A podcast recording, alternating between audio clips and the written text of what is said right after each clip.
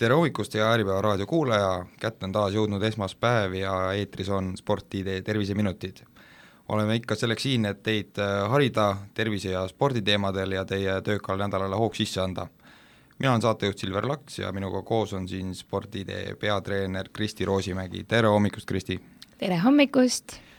täna hommikuses Terviseminutides räägiks natukene rahast ja edust et ma olen tihtipeale kuulnud, et äh, sporti tegevad ja varem järjepidevalt teinud inimesed on justkui kuidagi edukamad või teenivad rohkem raha, et äh, mis sinu seisukoht on selle koha pealt, Kristi? Äh, väga kore, tore kuulda, eks, et tegelikult ma alles hiljaaegu ähm, puutusin kokku ühe huvitava uuringuga, mida siis oli läbi viidud sportlaste hulgas või ütleme siis eh, tegelikult mitte ka sportlaste hulgas, aga inimeste hulgas, kes olid ähm, keskkooli ajal tegelenud väga aktiivselt, intensiivselt spordiga. ja siis uuritigi, et äh, kaugele nad jõudnud on, palju nad raha teenivad ja, ja sellise uuringu käigus siis selgus, et tegelikult äh, kui võrreldi seal näiteks, et kes seal tegeles, ütleme, muusikaga või, või näitlemisega või just noh, siis baseerudes seal varasemas nooruses, siis äh, need, kes olid äh, sportlikumad või siis nagu tõesti tõsiselt spordiga tegelenud,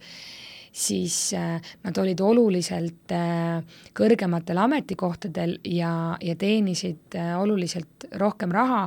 kui väga mitmed need, kes tegelikult olid siis äh, nii-öelda panustanud kallitele ülikoolidele ja, ja enda koolitamisele olid väga haritud. mis sa arvad, miks see nii on? ma olen päris kindel, et see tuleb sellest, kui me vaatame üldse, mida, mida sportlased teevad või, või äh, noh, millega nad igapäevaselt kokku puutuvad, siis äh, nad on, neil tekib selline, neil on hästi tohutu suur saavutusvõime ja saavutusvajadus. et pigem võib-olla just nagu saavutusvajadus, et et see iseenda motiveerimine on, on hästi tähtis ja ja ütleme, et, et ega siis noh, tippspordis ju valu on väga palju ja vigastusi on väga palju, aga nendest väljatulek nõuab väga tugevat isiksust ja, ja kõik äh, ütleme, et, et spordis on ju rutiin, spordis on kindlad äh, ajakavad, päevaplaanid, et inimesed on hästi fokusseeritud nagu mingile kindlale eesmärgile, et neil on see siht silme ees. ja, ja siin tegelikult kõiksugu sellised äh, raamatutarkused on alati hästi tore omadus, neid peabki õppima ja peabki ennast arendama,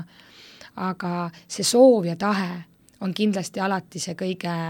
kõige parem motivaator selleks, et me veelgi rohkem pingutaks ja kuskile jõuaks. No see, ühtepidi on see kõik, oli väga loogiline praegu, aga teistpidi tegi see mind nagu natukene nukraks ka, et äh, päris paljud inimesed ju ülikooli ajal, kooli ajal ei teinud aktiivset sporti ja tegelesid nagu rohkem õppetööga, et äh, ma saan aru, et äh, selle uuringu põhjal siis